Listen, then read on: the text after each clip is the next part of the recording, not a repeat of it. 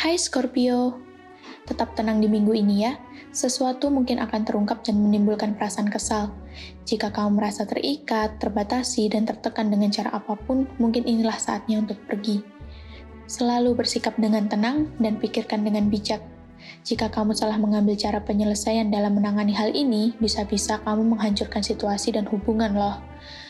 Hal ini mungkin karena kesalahpahaman atau dendam lama, tapi apa pun itu, usahakan jangan sampai tumpah dengan cara merusak ya minggu ini bisa menjadi waktu yang tepat untuk menunjukkan keahlian dan kemampuanmu.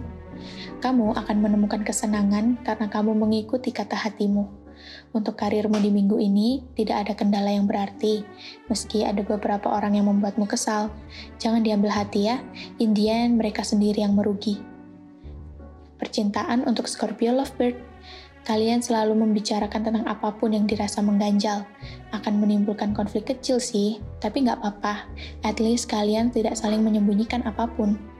Untuk sobat Scorpio yang masih single, kamu memang orang yang penuh curiga.